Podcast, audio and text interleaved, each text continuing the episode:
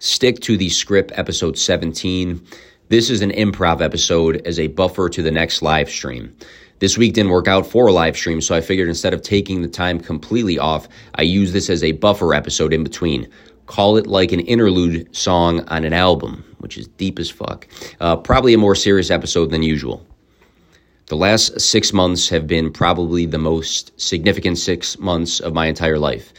The amount of changes that have occurred between a breakup, a divorce, selling a house, living with my parents again, dating, finding someone, building a relationship, getting engaged, and closing in on a new place have made me learn a lot. A lot about myself at the end of the day and a lot about life. So here's a list of some things that I have learned across the last six months. Number one, issues in a relationship can snowball effect through time, and two people can eventually just hit a point where it's not going to work. Sometimes what is important becomes unimportant. People can change. And sometimes a pair are better people without the other person. That sounds simple and almost sounds like it's easy to let something fold, but it's actually extremely complicated, in depth. Fingers can be pointed, people can be more at fault, but it is what it is. Enough said there. Number two, when you go through an experience that brings you down as a person, it's easy to get lost.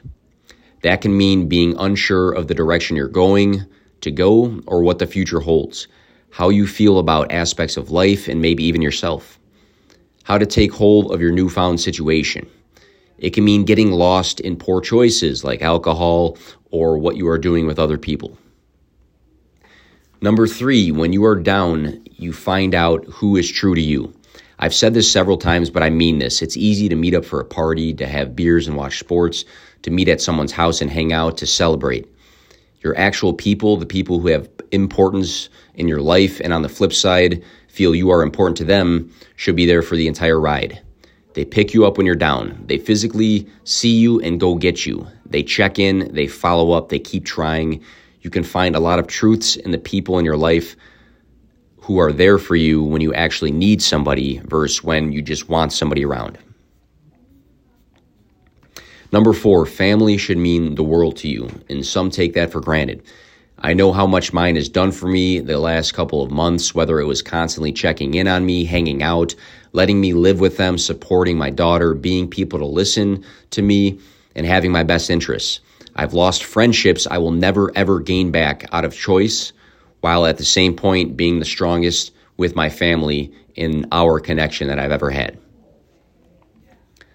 Number five, co parenting can be extremely manageable, but there are waves of the single parent aspect of it. I respect my fiance immensely as a single parent who has 100% custody of her son and does not have another parent to help her. Because the days of having full 100% control and responsibility can stack up as a parent.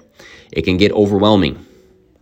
On the flip side, the times that I don't have my daughter, it can really, really hurt. Not to be corny, but legit, there's been times I'm driving and I look at the empty car seat or I see a picture of her and she's not with me. I look at her bed at night and she's not there.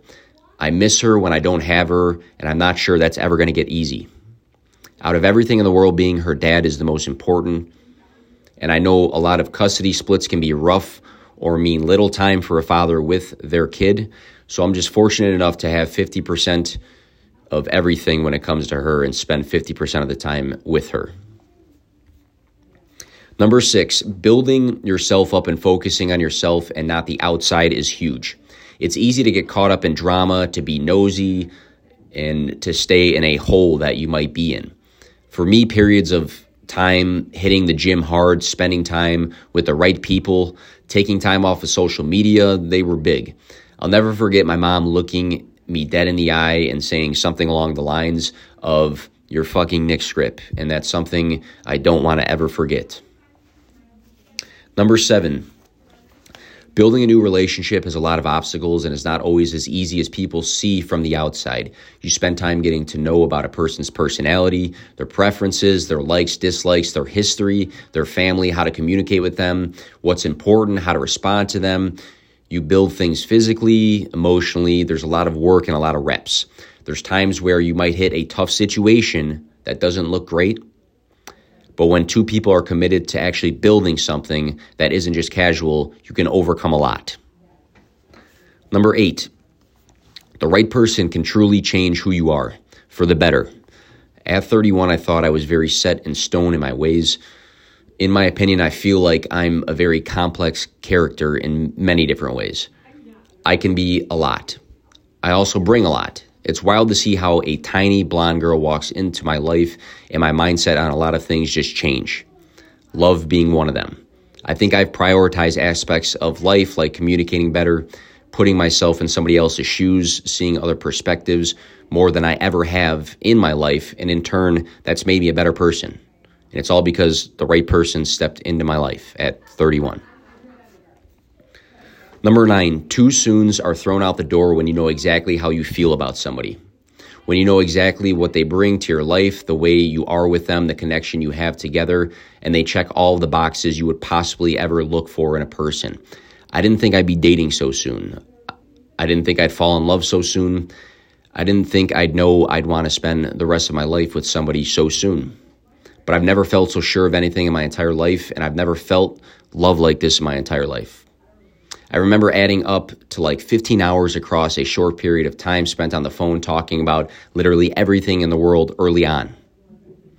Times not just spent with each other, but with both of our children and having that dynamic of, hey, we can do things, you know, just me and you, and also we can do things, the four of us. Being able to be completely myself, laughing together, showing me qualities of being an excellent mother, caring person, uh, smart, motivated, fun, and then, of course, your physical connections. When you spend every day thinking about that person and spending all of your time with that person, you build something great very fast. Three months can feel like three years very easily. There's no too soon when everything is exactly what you need it to be in your life and everything is exactly what you want to have for the rest of your life. Number 10, being a father and a coach for so long, building a connection with a younger person who I feel I can have influence on has always been something that has been second nature to me. I didn't think, though, that I'd have another child around the same age as my daughter pop into my life and not just be someone I connect with, but somebody who easily feels like my second kid. Someone who is unbelievably important to me and I care so much for. Stepping into a father role for someone else's child was never something I thought about but feels so natural and is something I couldn't picture myself doing or, or not doing for the rest of my life. Something I didn't think about before, but now has become so important. And then number 11 is just the, the summary of, of, of everything here. All in all, the last six months of my life have changed me as a person. The wave of going from a low to what feels like the biggest high I've ever had is my favorite comeback story of all time. Everything happens for a reason, and that truly makes me embrace that. You feel like you're in your upper 20s, lower 30s, and you have yourself completely figured out, and that just isn't always the case. The last six months have truly shaped me as a person and been the biggest learning experience of my life. And I've never been happier than I am in this moment now. Be sure to subscribe to the channel. More live streams covering a variety of stories, funny topics, serious topics, spicy topics, and other segments will change weekly. Be sure if you listen to this one, you listen to the last episode with Tess. That was a banger. Enjoy the weekend.